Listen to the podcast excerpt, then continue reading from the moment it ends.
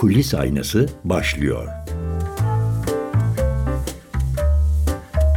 Efendim merhabalar. Bir kulis aynası programıyla daha beraberiz.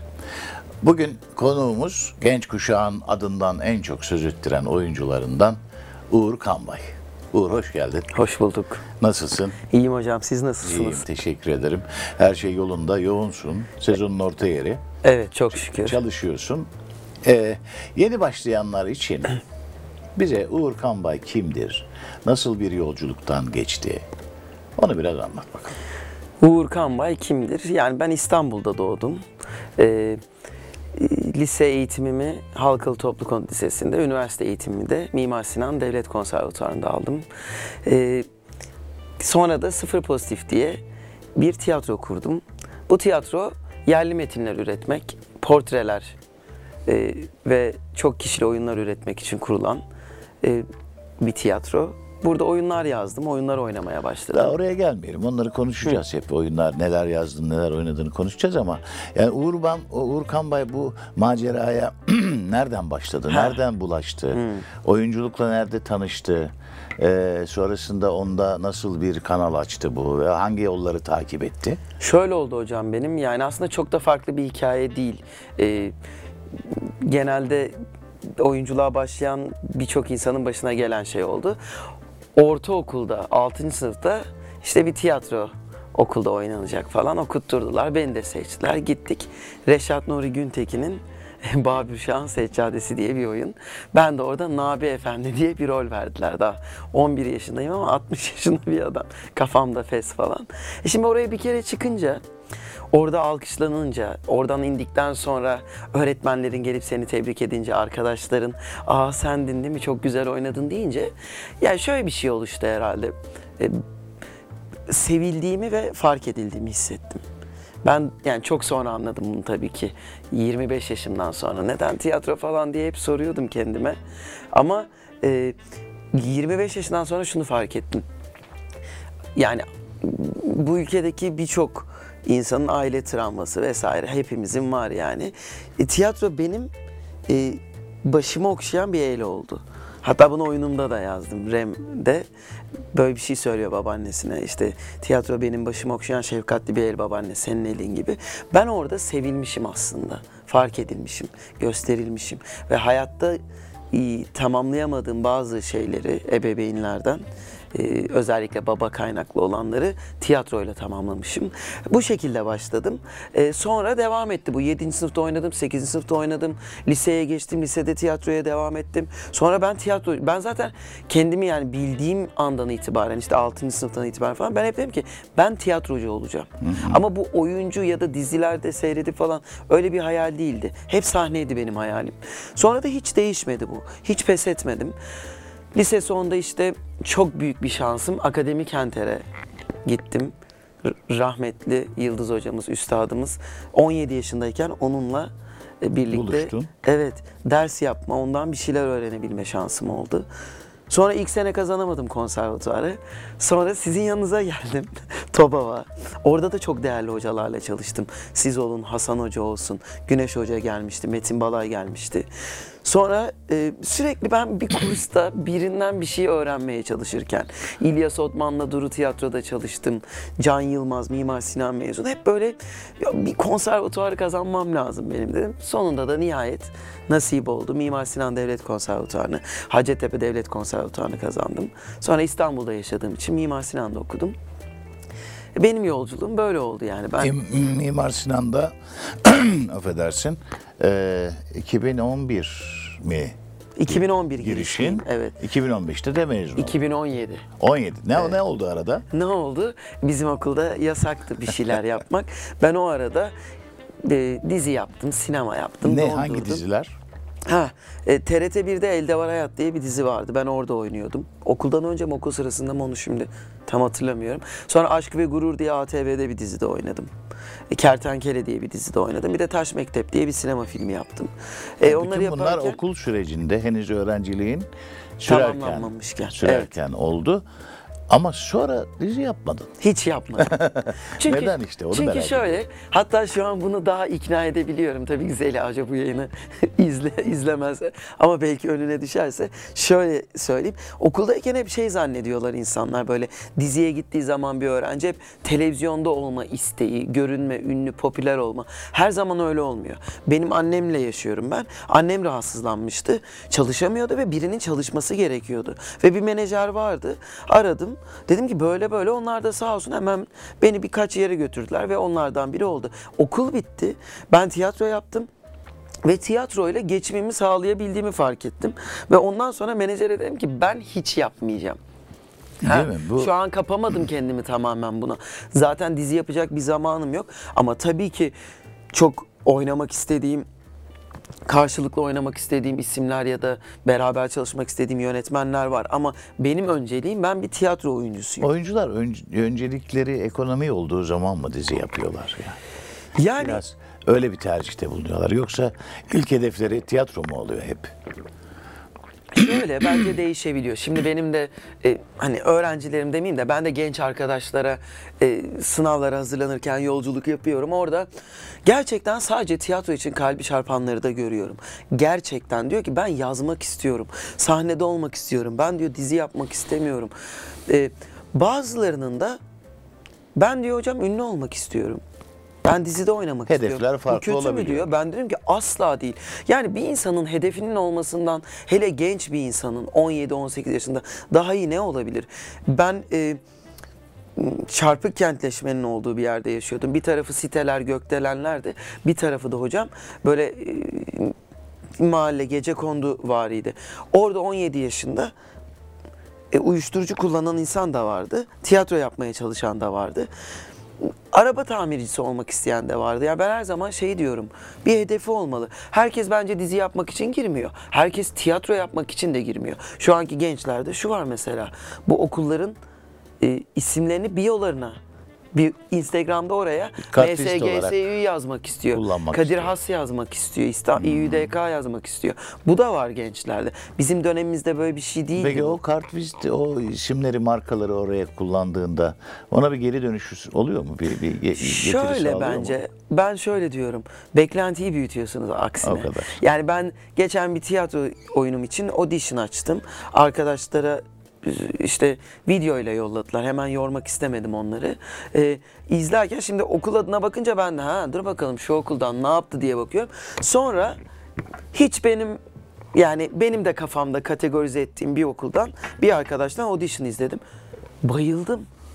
Eğer oyunu yapabilseydim rolü ona verecektim Onunla yani. çalışacaktın. Kesinlikle çünkü Tabii. şimdi öğrencilere de söylüyorum. Siz yeter ki bir şey yapmak isteyin. Her okulda iyi hocalar var. Ha bazı okulların ekolleri var doğru. Ben bunu iddia ediyorum hep. Mimar Sinan'da Hacettepe'de bugün hiç hoca olmasa, mezunlar gidip bahçede yardımcı olsa o okulun bir ekolü var. Bir devamlılığı var. Var yani. Bir taşıdığı bir kendi misyonu var. Geleneği var. Evet. Öyle gö- göreneği var. Evet. Ve bazı okulların evet öyle bir ge- geriden gelen, e, geçmişten getirdikleri birikimleri var. Ama o eğitim faslına sonra gelelim. Tamam. Şimdi 2011'de başladın. Araya diziler girdi. Hayat şartları seni e, bir süre okuldan uzaklaştırdı. Dizilerle buluşturdu. Evet. Öyle diyelim. Gene çok uzaklaşmış sayılmayız. Sektörün bir ba- başka alanını e, erken yaşta tanımış oldun. Sonra da 2017'de Evet. mezun oldun. Mezun oldum. 2017'de mezun oldun. 2019'a kadar neler yaptın? Neler yaptım? Ee, 2000 Ay, 2018 galiba benim mezuniyetim hocam ya. Ya neyse 2017. ben o kadar çok okula geri, geri 2017 döndüm 18. ki. Şunu 17 ya da söyleyeyim. 18. 2019 bir milat Evet. senin tarihinde. Benim için öyle. Orada da e, ne yaptığın ne ettiğin çok enterese ediyor beni. Yeni arkadaşlarımız için belki bizi izleyecek, dinleyecek e, genç yeni mezun oyunculuk yapmaya başlamış ya da oyuncu adayı arkadaşlarım için önemli. Çünkü sen orada kendine yeni bir yol açtın. O kısa sürede. Evet. E, bunu nasıl becerdin, nasıl başardın? Onu merak ediyorum aslında. Yani 2017 ya da 18. 18. Şu an E, bir yıl, bir buçuk yıllık bir zaman diliminde sen sıfır pozitife ulaştın. evet.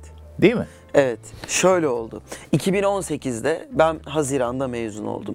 Mezun olmadan önce hep şunu düşünüyordum. Ne yapacağım, ne yapacağım? Hep genel bir kaygı vardır ya. Sonra şunu fark ettim. Arkadaşlarım biz 3. sınıftayken falan seçmelere giriyorlardı. İşte hem de nitelikli tiyatroların yani özel tiyatroların seçmelerini. Ama şimdi konuşuyordum. Gerçekten tiyatro yevmiyesiyle hayat geçindirmek mümkün değil yani. Sonra Bugün bugün de değil. değil mi? Bugün de değil sadece bazı çok özel prodüksiyonlarda çok özel rollerde yer almak gerekiyor. Onun için de bir şey yapmış olmak gerekiyor. Yani ben Özel şunu derken büyük prodüksiyonları Evet yani işte Zorlu'nun prodüksiyonu. Yani büyük vesaire. müzikaller vesaire. Evet. Ve hani o da hani Firmaların adı işler. altında çalışılan işler. Çünkü şöyle bir şey hocam. Ee, ben şöyle düşünüyorum. Ee, ben bugün Eylül'ü kendim yazdım. Bugün Eylül'ün seçmesi olsa ben girsem beni seçmez. Çünkü derler ki ya işte şu an 32 yaşındayım ama 28 yaşındaki bir çocuk 2 saat bir oyunu ya başka birine emanet ederler haklı olarak o rolü. Ben mezun olurken bunları kafamda hayatta sıkıştırıyor bir yerden. Ulan annen çalışacak mı hala nasıl olacak?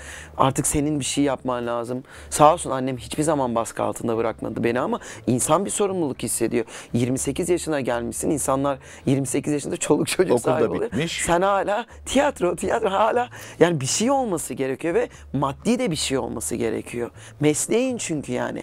Sonra ben dedim ki Uğur bir şey yapacaksın. Gittim anneme anlattım. Dedim böyle böyle. Ben böyle bir oyun yapmak istiyorum. Şöyle yapmak istiyorum. Böyle yapmak istiyorum. Annem de sağ olsun bana dedi ki yap oğlum. Dedim ki ama anne sahnelerin kiraları çok yüksekmiş. Nasıl ödeyeceğim? Hiçbir şey olmaz. Hiç ödeyemezsen ben çalışır öderim dedi.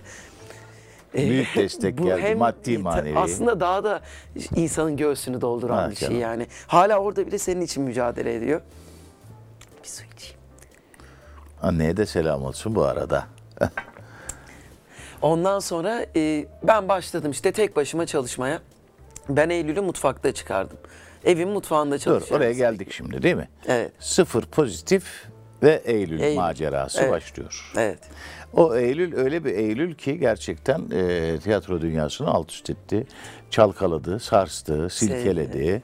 E, o yüzden de üzerinde biraz konuşalım onun. Yani konuşalım. mutfakta çalışmaya başladığın Eylül sana sıfır pozitifi mi doğurttu? Evet, evet. Neden sıfır pozitif? Neden sıfır pozitif? O dönem isim arıyoruz. Böyle afilli isimlere bakıyoruz falan. Ben önce ARH pozitif bir şeyler onlara da baktım. Niye baktığımı hatırlamıyorum. Sonra çok gu- Google'da şöyle bir bilgi edindim. Sıfır pozitif e, genel vericiymiş. Bütün kan gruplarına Herkese kan verebiliyormuş.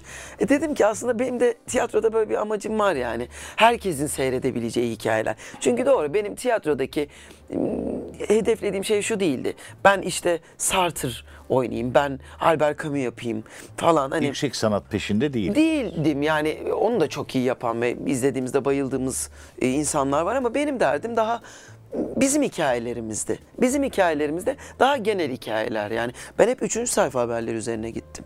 E, bu şekilde Eylül'ü yazdım. Yazdıktan sonra bir isim arıyordum. İşte sıfır pozitif genel verici. Sıfır pozitif olsun. Bir de onun sesli harflerini çıkarınca böyle Evet. SFR, PSTV Sıfır güzel pozitif. oldu.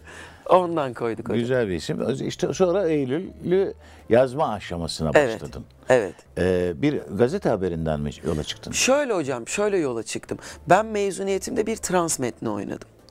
Sonra ben gittim o yazarla konuştum. O yazar da o hikaye 50 yaşında oğlunu arayan bir çocuğun hikaye şey bir kadının hikayesiydi. Niye isimleri ver? Ee, Kimler? Ata.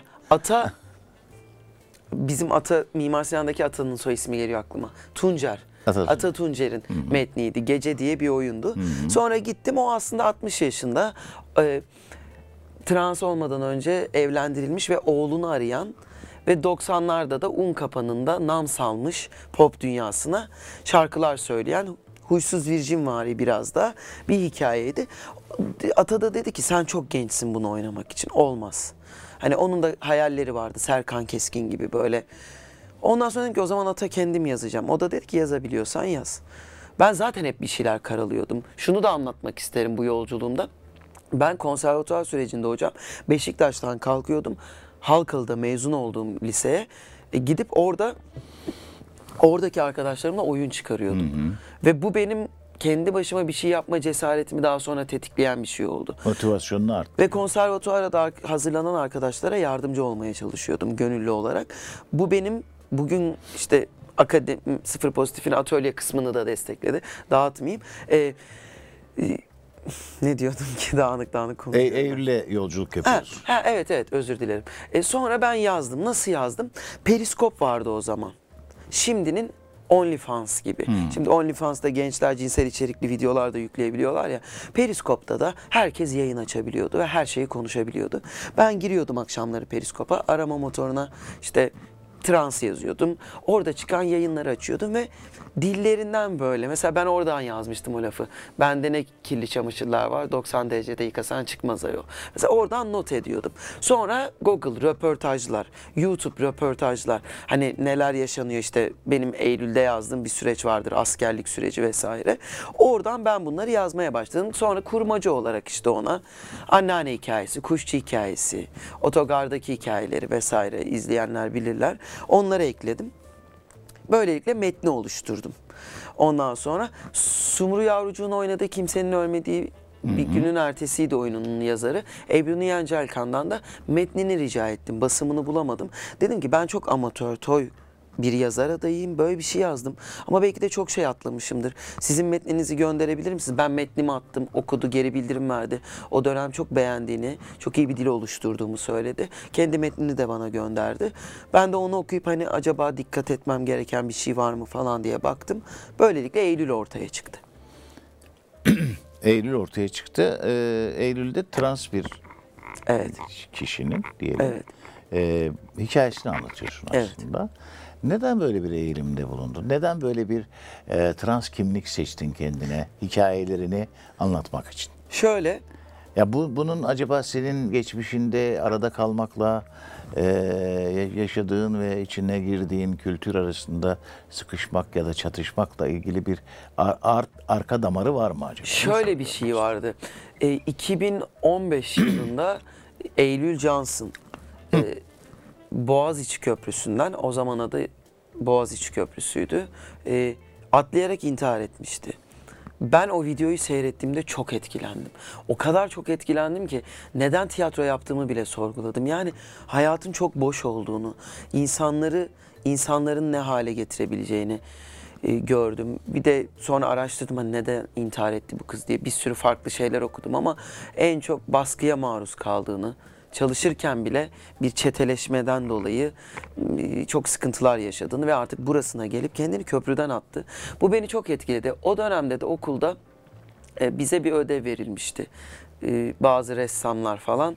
Taner Ceylan'ın da yanılmıyorsam bana bir tavus kuşu böyle kanlı. O bana Eylül'ü anımsattı o dönem. Sonra dedim ki ben bunu oynayacağım. Bir videosu vardı o kızın yapamadım izin vermediler diye. Ee, anne köpeğime iyi bak o çişini kakasını yapmaz diye. Çok etkilendim. Hatta ben bunu vizede oynamayı düşündüm ama çok kostüm bir şey istiyordu ve e, onu yapamayacağımı düşündüm. Hep böyle aklımın bir köşesinde bunu oynamak vardı. Ha, şu konuda da önden bilgi geçeyim yanlış anlaşılma olmasın. Benim yazdığım Eylül, Eylül Johnson'ın bir hayatı veya biyografisi değil. Bazen seyirciler böyle paylaşıyor. Şundan dolayı rahatsız oluyorum. Ailesinin izni olmadan, yaşadıklarını bilemeden bunu alıp da bu Tabii. şekilde yapamam. Sadece Eylül'ü yad etmek, anmak için oyunda ona Onun selam adını gönderdiğimizde bir bölüm var aslında ama Eylül'ün hayatı değil. O beni çok etkilemişti hocam. Birinci sebebi buydu. İkinci sebebi de dürüst olmak gerekirse şuydu. Ben finalde bunu oynadığımda e, sahne ve oyuncu diksiyondan 100 puan alarak geçtim. Sonra da konuştuğumda bir de bunu değil diğer metni oynadığımda çok iyi bir metindi. Böyle ilk defa Mimar Sinan finalinde böyle bir şey yaşadım ben. Böyle peçete geziyordu. Ayşe Hoca şimdi benim gördüğümde. Ayşe Ayşe Lebriz. burnu hayır hayır Ayşe Lebriz değil. Ha, Ee, diğer anladım, e, Ayşe Solanas. Evet. e, Ayşe Özköylü. E, o e, peçeteyle burnunu siliyor, öteki orada ağlıyor, diğer hoca falan. Sonra konuştuğumda Uğur bunu oynarsan senin oyunculuk kariyerin için de iyi olabilir dendi. E, şunu da düşündüm burada. E, benim bir şey yapacağım, tek kişilik bir şey yapmayı düşünüyorum. Anlatmaya değer bir hikaye olması gerek, bir derdi olması gerek. Bir de beni oyuncu olarak da biraz görünür olmamı sağlayacak olması gerek diye düşündüm. Bunu hiçbir yerde inkar etmedim yani. Hep soruyorlar böyle röportajlarda. Hayır en büyük derdim transların sesi duysun. Tabii ki o metni yazmaya başlayınca bir sorumluluk edindim. Bir şey yanlış ele almamaya çalıştım. Hatta şu an kendi metnime baktığımda ulan buraya niye girdin? Burası bıçak sırtı olmuş. Buraya gerek var mı diye kendimi eleştirdiğim ve atmak istediğim yerler var ama dokunmuyorum. O benim ilk yazdığım metin. Ee, daha sonrasında bunu bu şekilde oynamak istedim diyeyim. Sorunuza cevap olarak. Peki sonra oyun çıktı başladın. Evet. Ee, nasıl başladın? Hangi salonda başladın? Hangi koşulları zorladın? Annen salon kirasına katkıda bulundu mu? Şöyle oldu. Şöyle oldu hocam. Ee, oyun başladığında ben bir sürü sahneye mailler attım ve dönüş alamadım. Ve mail attığım sahneler de hani oyun atölyesi baba gibi sahneler değildi. Ha, küçük Daha sahneler. yani tabii ki oralara çıkamayacağımı o, o aşamada biliyordum. Daha küçük sahnelerdi. Mesela bir sahne benden sinopsis istedi. Yani tiyatro metninin sinopsisini ilk defa duydum ben. Yazdım, gönderdim falan. Çok zor. Hasan Şahin Türk'ü aradım. O dönem Kadıköy Tiyatro'nda e, sami hani ya, ya ortaktı ya Evet, da evet. işte gittim konuştum. Böyle böyle bir şey. Premier için sağ olsun verdiler bana sahneyi. Premierimi orada yaptım. Sonra Allah bin kere razı olsun Tatavla sahneden. Tatavla sahne bana kapılarını açtı. Ben şu an orada oynamıyorum. Hatta bazen arkadaş arasındaki sohbette diyorum ki Ulan diyorum ne kadar nankörlük oldu diyorum. Oynadık orada sonra oyun büyüdü büyük salonlara çıktı daha dönüp bir kere. Ama her zaman şunu diyorum. Tatavla sahnenin bir destek oyununa ihtiyacı olsa, Tatavla sahnenin benim yapabileceğim bir şeye ihtiyacı olsa ben Seve seve koşa koşa koşa giderim. Şu an oynamıyoruz orada ama e, sonra Tatavla sahnede ben sezon boyunca oynadım. O sezon Tatavla işte bulabilirsek sahne Beşiktaş falan vardı. Şöyle de bir şey oldu çok şükür e, hiçbir zaman kirayı annemin ödemesine gerek kalmadı. Eylül başladı ve hemen böyle bir kulak yaptı. 30 kişi oynadığımız oyunlarda oldu mu? Oldu. Ama o sahneler zaten 70 kişilik sahneler olduğu için o da kirayı çıkarmaya yetti. Ben Eylül'den hiç zarar ederek çıkmadım hocam. Ama çok iyi bir dediğin gibi kulak gazetesi Evet, evet. yarattı ve birdenbire e, o günlerde çok iyi hatırlıyorum. E, ya bir genç varmış, bir böyle bir oyunu varmış. illaki görülsün gibi bir e, tevatür Evet, ortalıkta öyle bir şey dolaştı. oldu. E, o da sana pozitif anlamda Evet. geri döndü. Evet. Sıfır bir de şunu pozitif. demek istiyorum yani yeni başlayan benim gibi genç arkadaşlara. Ben gerçekten pes etmedim. Prova sürecinde de pes edebilirdim. Bir gün evde balkon şey mutfakta dedim ki ne yapıyorum ya? Burada burada oyun çıkar mı dedim ya. Koca sahnede ne yapacaksın dedim. Sonra bir daha oturdum yine pes etmedim. Sonra broşürlerimi bastırıyorum. Kucağımda şey cebimde bir ek- yemek yeme parası var. Onu da hocalarıma davetiye yaptırmak istiyorum zarf. Onu soracağım. Sonuçta maliyetli bir iş değil mi Evet. tiyatro yapmak? Yani en ucuzu, en kendinden olanı bile bir maliyet gerektiriyor neticede. Yani oyun senden, oyunculuk senden, yönetmelik sen, yönetmenlik senden ama ve lakin işte işin bir de öbür tarafı var. Değil mi? Davetiyesi, afişi, salon kirası, e, sigortası, o su, bu su, şu su ciddi bir maliyet var işin arka tarafında. Bunu e, göze almak büyük cesaret değil mi? Ya senin açından Şöyle e, en benim- çok hayranlıkla baktığım kısım bu. Yani kendini ortaya atmak tamam. Eline bir fırsat geçer gösterirsin ama o fırsatı kendin yaratıyorsun. Bütün koşullarıyla. Şöyle hiç param yoktu yani.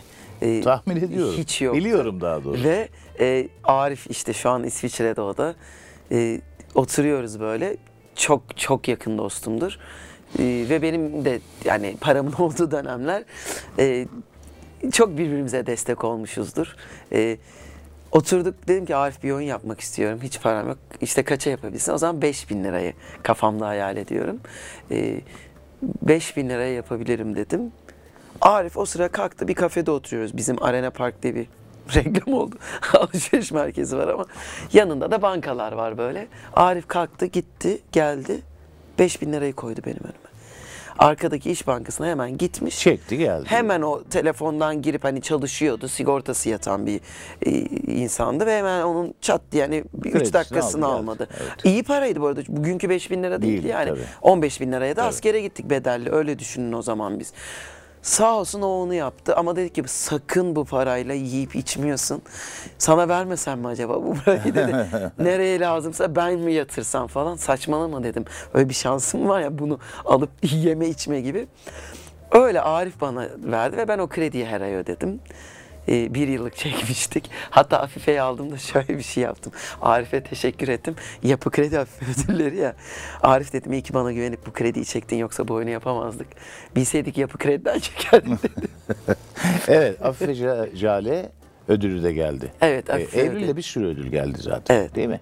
Başka ödüller de geldi. Evet, Neler Sadri geldi? Alışık ödüllerinde, Üstün Akmen ödüllerinde, Direkler Arası ödüllerinde, işte en iyi oyuncu, genç oyuncu, yılın tek kişilik prodüksiyonu gibi böyle farklı farklı farklı ödüller. Ödül, ödül, ödül yağdı. Evet, diyelim. geldi, çok geldi. Gerçekten de hem seyir- seyirci çok haberdar oldu bu işten hem de ödüllerle de bir şekilde seni mo- motive etmiş oldular. Peki ödüller nasıl bir ivme kazandırıyor? Yani yazar olarak, yönetmen olarak, oyuncu olarak, bir tiyatro sahibi olarak.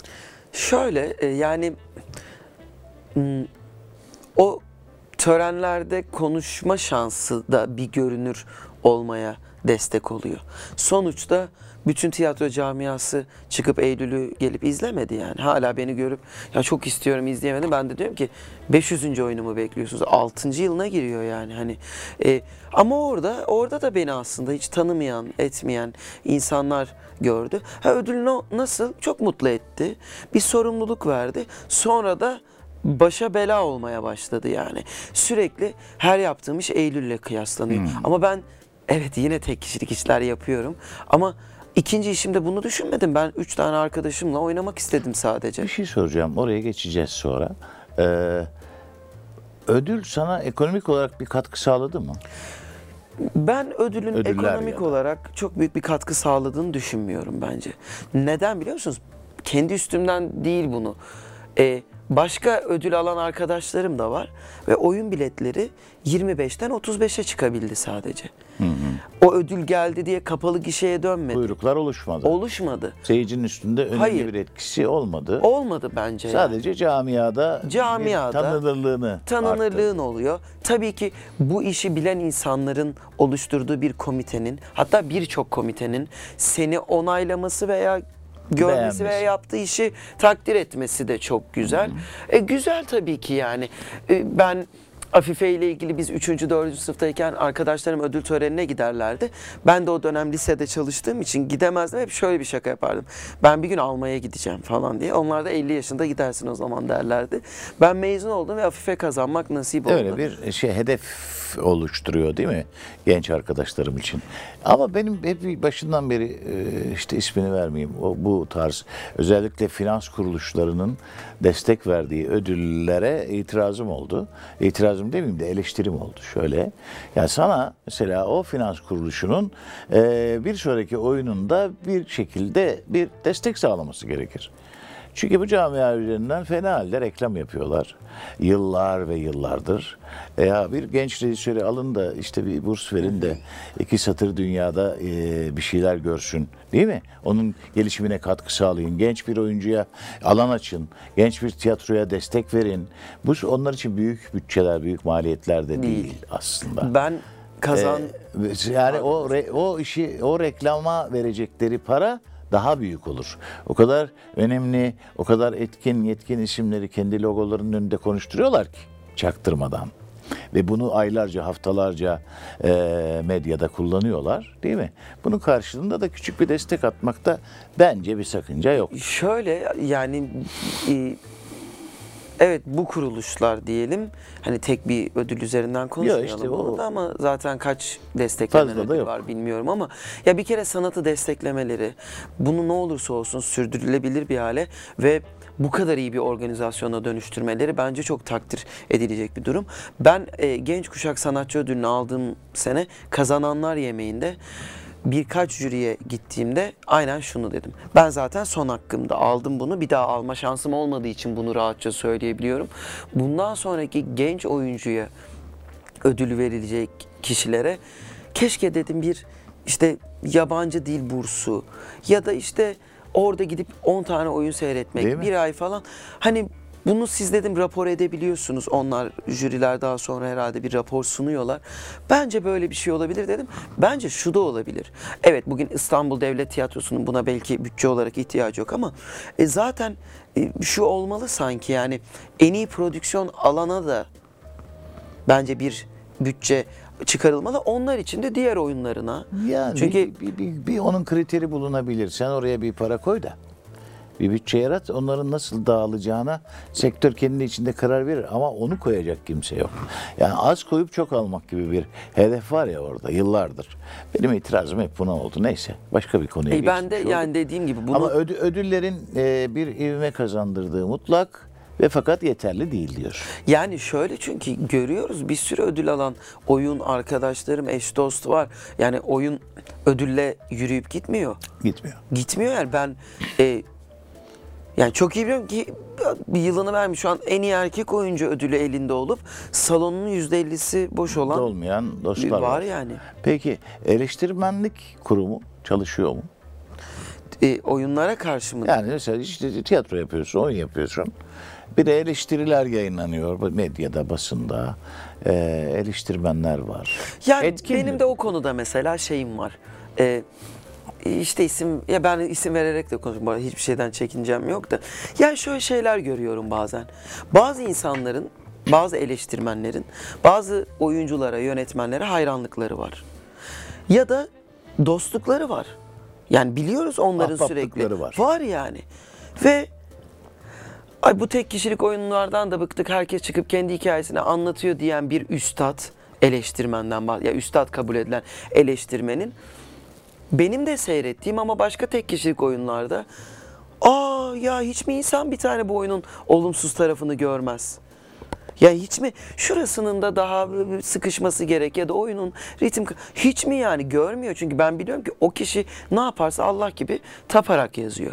Yani eleştirmenlik konusu benim de çok eleştirebileceğim ya da e, yetkin olduğum bir konu değil ama şöyle bir şey olmuştu. Şimdi arkadaş olduk. Kendi bu sene Tiyatro Eleştirmenler Birliği ödüllerinde bana en iyi oyuncu ödülünü verirken de çok beni desteklediğini ve bu ödülü almam gerektiğini söyledi ama Bahar Çoğadar Eylül'le ilgili yazdığı eleştiride ben çok kırılmış ve içten içe kızmıştım Bahar'a. Oyunu yerden yere vurmuştu, vurabilir, olabilir. Ee, yani ele alınışını vesaire.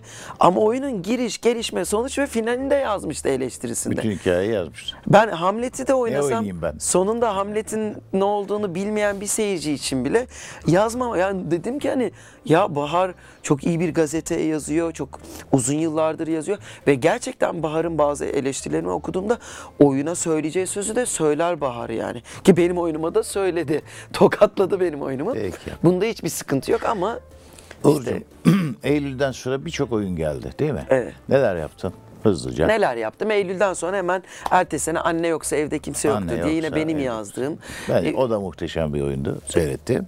Çok etkilendiğim bir oyundu. Dört arkadaşı oynadık. Çok keyifli oynuyorduk da yani. başarılı çok oyuncular güzel. vardı. Şu an bitirdik. Evet Akant, Yunus ve İrem. E, onlar da çok çok güzel oynuyorlardı bence. E, pandemi girdi o oyunda. Pandemi girdi Biz maalesef. pandemiden sonra da devam ettik ama dekorlarımız çalındı devam ettik öyle. Böyle bir buçuk sezon daha oynadık böyle. Sonra bitirdik. M- Programlar falan karıştı böyle. Birisi belediye tiyatrosunda çalışıyor. İrem onun programı benim Eylül ve Kırlangıç programım çok yoğunlaşmaya başladı. Kırlangıç var arada. O senin tiyatronun dışında bir iş. Benim tiyatromun dışında oyun atölyesinde böyle bir oyun yapıldı. Ben tatildeydim, beni aradılar. E, bir hani okuma alabilir miyiz falan. Ben de tabii alabiliriz. Gittim, okudum. Sonra beni aradılar çalışmak istiyoruz diye. Orada işte Birkan Hoca yönetti. Selen Öztürk'le birlikte oynuyoruz. Oyun atölyesinde. Şimdi ayda 2-3 kere oynuyoruz.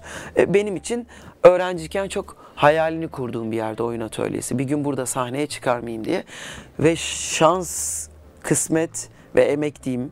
E, Eylül'le ilk o sahneye çıkmak nasip oldu. Oyun atölyesi Haluk Bilginer'in Evet, tiyatrosu. Tiyatrosu şu E, anda. Haluk Hoca'nın. E, Eylül'le orada kapalı gişe oynadım. Yani bu sezona kadar sürekli oynuyordum iki sezondur. Şimdi oyun programı çok yoğunlaştı oyun atölyesinin. Konuk ekip alamıyorlar. Bir hayalim daha gerçekleşti. Ama ben bunları hep hayal ettim. Hep istedim. Hep inandım yani bunun olabileceğine. Şimdi çok şükür Eylül'le de hatta yeni çıkardığım oyunlarla artık daha kolay oluyor. Direkt o hayalini kurduğum sahnelerde Yeni Rem oynayabiliyorum. vardı. Rem var. Rem geçen sene benim başladığım bir oyun. Şu an ara vermek Devam durumunda mu? kaldım. Hayır devam edemiyorum. Onun mekanizması var dekorunun. Hmm. Onunla ilgili bir sıkıntı oldu. Bir de Rem'in asistanları Mimar Sinan'ı kazandı. Bizim okulda da biraz müzisyeni de müzik bölümünden çocuk kendi çalışıp Mimar Sinan tiyatro kazandı. Ee, şu an onları ilk seneleri diye dokunmak istemedim. Okulda da yasak. Bu önümüzdeki zamanlarda tekrar provaya girip devam edeceğiz. Ve bir de sakatat var. Elinizde duruyor. Evet, Rem evet, şu duruyor. anda beklemede. Rem'de Sen şu an sadece Eylül'ü mü oynuyorsun? Eylül ve Kırlangıcı oynuyor. Kırlangıcı'da oynuyorsun. Bir de Eylül. Sakatat. Ama, e, Sakatat yeni başladı. Evet yeni başladı sakatat. Ee, 12 gene, gene Şubat'ta. kendi yazdığın bir oyun ama bu defa sen yönetmiyormuşsun. Ben yönetmiyorum. Bu defa Turgay Korkmaz yönetiyor. Turgay Misket'in yazarı ve oyuncusu. Çok iyi bir yazar bence. Ben bütün oyunlarını okuduğum için biliyorum. Ve çok benim sahne üstünde anlaşabildiğim biri olduğu için o Mutlaka yönetiyor. ortak bir dil arkadaşlığına e, işbirliğiniz var. Evet. Ama şunu merak ettim. Yani neden sen yönetmedin? Şöyle e, Ne seni yönetmenlikten geri çekti? Şöyle oldu hocam. Kendi yazdığımız metin olsa da ben hatta metni size de atmıştım. Sonra sizin provaya metni. girdiğinizi ben duydum. Benim en büyük hayallerimden biri bir gün sizin de yönettiniz. Çünkü biz İnşallah, okulda da çalışıyoruz. olmadı ya. Nasip olmadı. Ben gittim siz o sıra oyun Evet. yönettiniz. E şöyle bir şey. e, ben kendim yazdığım metinlerde dünyamı kuruyorum. Dekoruna kadar düşünüyorum onu. Ama şimdi ikidir bunu deneyimledim. Ve ikidir eksik kalan yanlarını da görüyorum. Uzayan, yayılan falan yani. Ha dış göz hiç mi olmuyor kendimizi yönetince? Tabii ki oluyor. Eşimiz, dostumuz, gözüne güvendiğimiz insanlar izliyor. Ama bir de hiç rejisini düşünmediğim, hiç e, o tarafını düşünmediğim, oyuncu olarak konsantre olmak istediğim bir tek kişilik oyun yapmak istedim.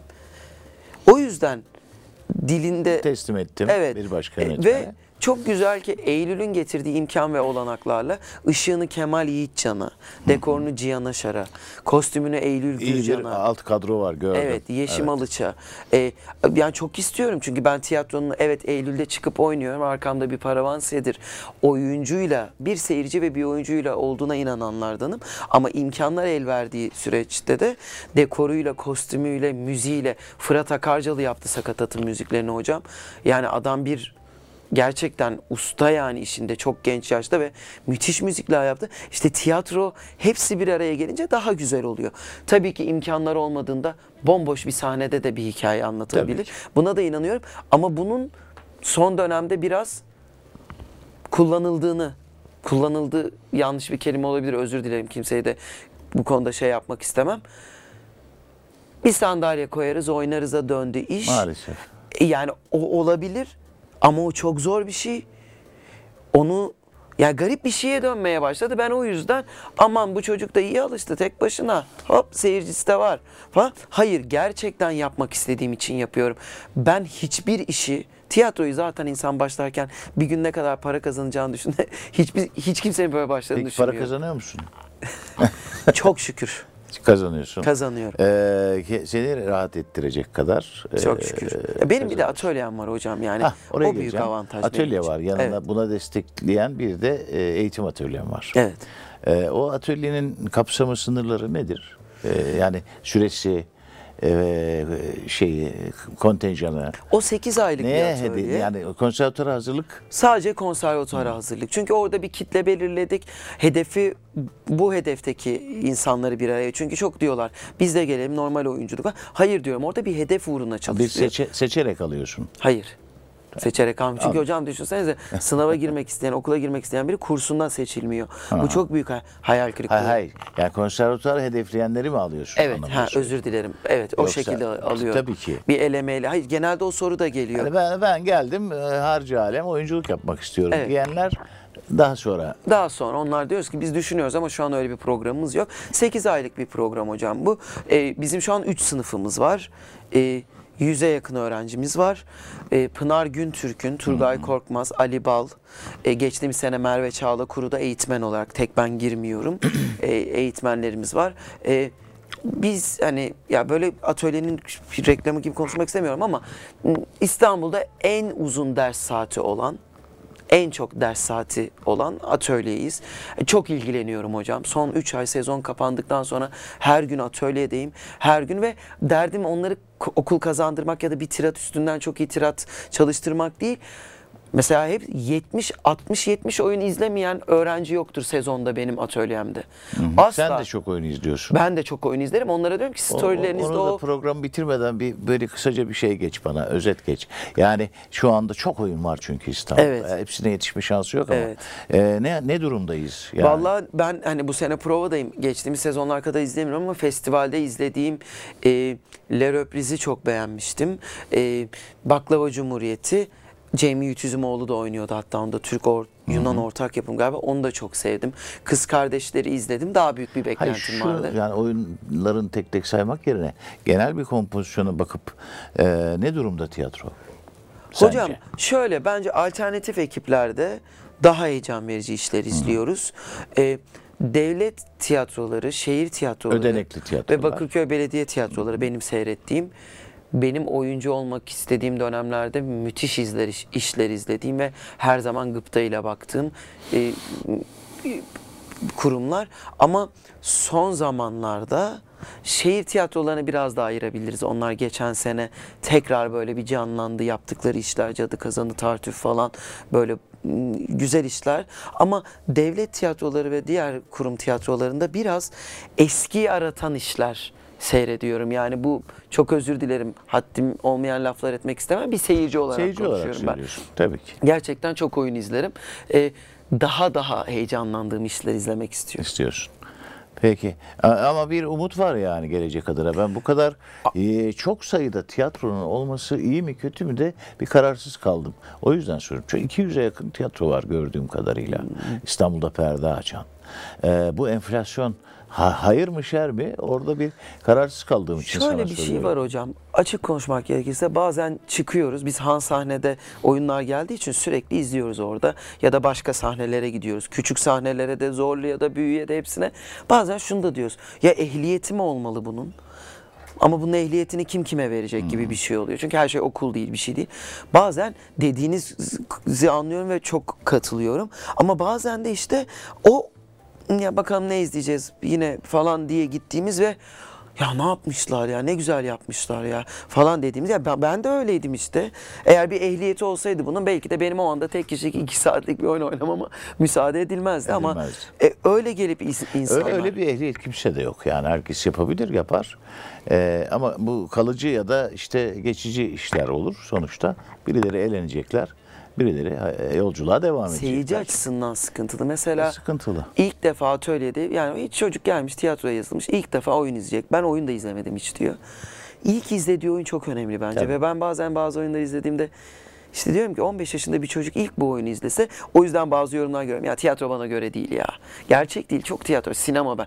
Ben sinemadan daha gerçek performansları, hikayeleri tiyatroda seyrettim. Tabii. Ben bir antabus seyrettim Nihal Yalçın'dan. Oo. Yani ben Nihal Yalçın ki bildiğimiz bir hani göz, yani bilinen bir oyuncu. Hani ona inanmak daha da zordur. Ya böyle oyuncu tanındıkça oynadığı rol hep ismi onun önünde kalır. Ya da Zerrin Tekindor'u ben seyrettiğim zaman ya da Bülent Hoca yani bir sürü isim sayabilirim böyle. Ee, ama anlıyorum. Bazen ilk oyunu ben ilk oyunu şanslıydım orta birde e, şey Kanlı Nigar'ı izledim. Hem anlayabileceğim bir oyunda o yaşta o yaşta gidip de bir suç ve ceza seyretseydim belki tiyatro Zor benim için bir gelecekti. Tabii. ben izlemek istemiyorum diyeceğim bir şey olacak. Çok önemli bu. Evet yani artık e, görüyorum ki otori, tiyatro otoritesi olmaya başlıyorsun. Çünkü bunu da hak ediyorsun.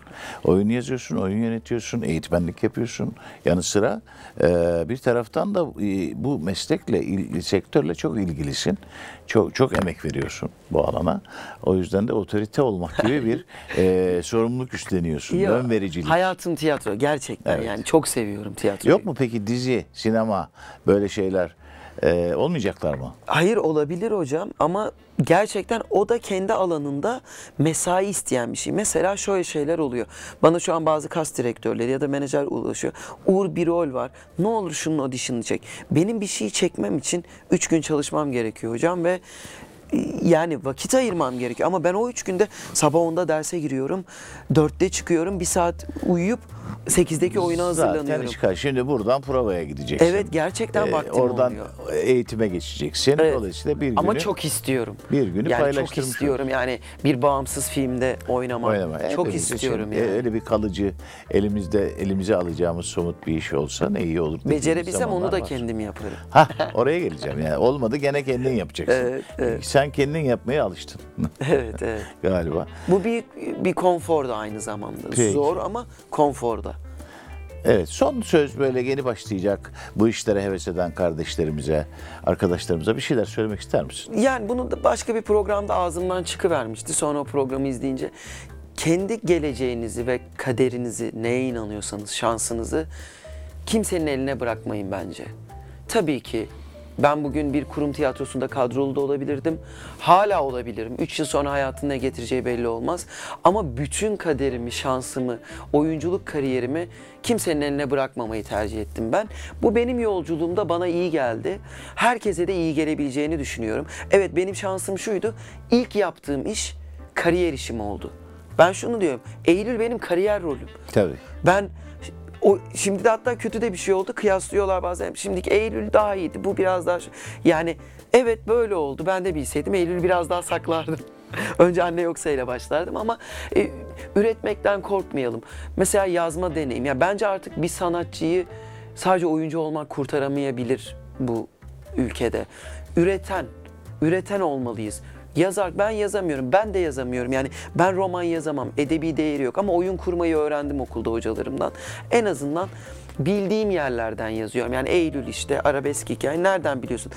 Benim Mahalleden. hayatım müzikal pavyon e, Mahalleden. aileden gelen bir şey yani. Kendi kendi ge- hayatından ö- gördüğünden illa yaşamış olman gerekmez. Evet, evet, gö- gördüğünden, duyduğundan Bir sürü e, şey içindeki yani. co- bulunduğun coğrafyadan beslenerek yazıyorsun. Tabii. E bir de sağ olun Allah razı olsun yani bunu ödül konuşmamda da yaptım her yerde söylüyorum.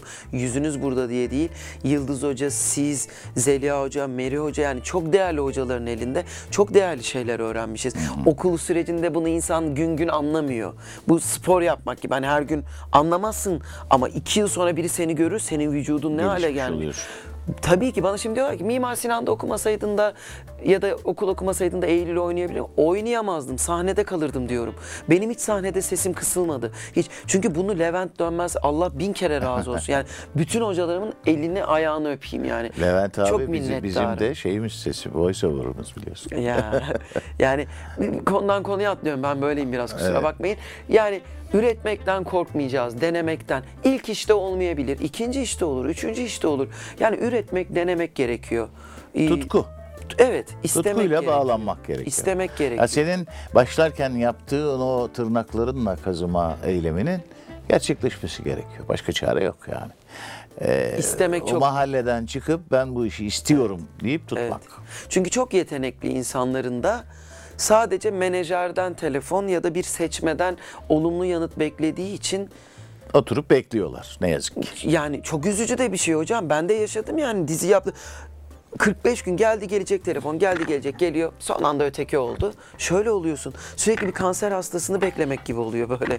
Hani ve o bekleme süreci insanı yıpratan bir sürece Çok. dönüşmeye başlıyor. Niye biz oyuncular belli bir yaştan sonra deliriyoruz, alkole, uyuşturucuya bir şeye vuruyoruz kendimiz? Gerçekten zor. Zaten üretmek zor. Sürekli bir şey yapmak, bunu inandırmak, onu bulmak. Yani şizofreni, paranoya böyle E öyle bir öyle bir savrulma halimiz var ama sonuçta o savrulmanın üretime dönmesi iyi, iyi bir sonuca evrilir. Ee, çok teşekkür ederim Ben çok Uğur'cum. teşekkür Çok tatlı, ederim çok hocam. keyifli, doyumsuz bir sohbet oldu. Ee, buluştuğumuza da çok mutlu oldum ayrıca. Biraz dağıtmış olabilirim. Yok önemli değil canım. Zaten işte tiyatro ne olacak ki işte orasından girip burasından Ve- çıkıyoruz. Sonra işimizi konuşuyoruz. Ve Son bir söz Şunu da alayım. söylemek istiyorum. Şu an kendimi çok şanslı hissediyorum. Düşünün ben bir kursa gidiyordum konservatuara hazırlanırken. Murat Hoca orada benim hocamdı. Sonra ben okulu kazandım. 2-3 yıl sonra Murat Hoca okula hoca olarak geldi. Şu an hocamla bir programda onun konu olarak e, ve hani yaptığı işlerle burada o- olan bir oyuncu olarak yani çok mutluluk ve gurur verici bir Ama şey. bak, Çok teşekkür tam ederim. da bu işin e, röntgenini çekiyorsun şu anda. Bu işte hoca yok, usta yok. Sonuçta boyunuz kulağa geçecek. İşin formülasyonu bu. Dolayısıyla sen de bunlardan birisin. Her türlü övgüyü de hak ediyorsun. Ayaklarına sağlık, ağzına sağlık. Çok teşekkür ederim. de çok teşekkür İyi ki ederim. geldin, iyi ki şeref verdin programa.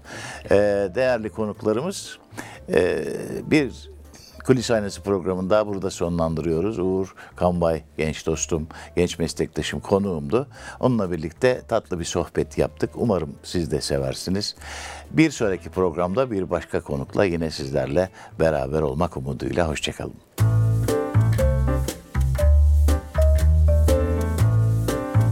Kulis Aynası sona erdi.